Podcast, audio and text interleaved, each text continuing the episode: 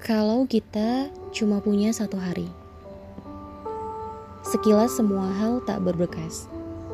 Mengulang langkah demi langkah dengan puas. Agaknya sebagai manusia, kita harus merasa was-was. Karena jika ditanyai, mau apa kita kalau cuma punya satu hari? Banyak dari kita yang sering menyia-nyiakan waktu.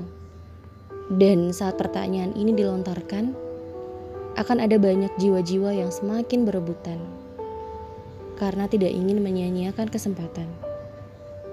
Dimensi waktu mulai berkejaran. Amal baik mulai diupayakan. Semua berlomba-lomba tampil di depan. Karena memang khawatir sisa waktu berkurang pelan-pelan. Sayangnya, manusia baru mulai peduli. Jika sudah mentok dan merasa terancam. Manusia selalu fokus pada hal-hal yang menyenangkan. Maka ketika nikmat itu dicabut, jadi mulai ketakutan. Tidak ada waktu yang berjalan tanpa alasan.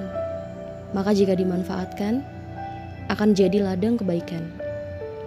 Kalau kita cuma punya satu hari, akan banyak manusia yang berhenti main-main. Mengambil peluang sebaik mungkin tanpa pernah kembali pada kesia-siaan.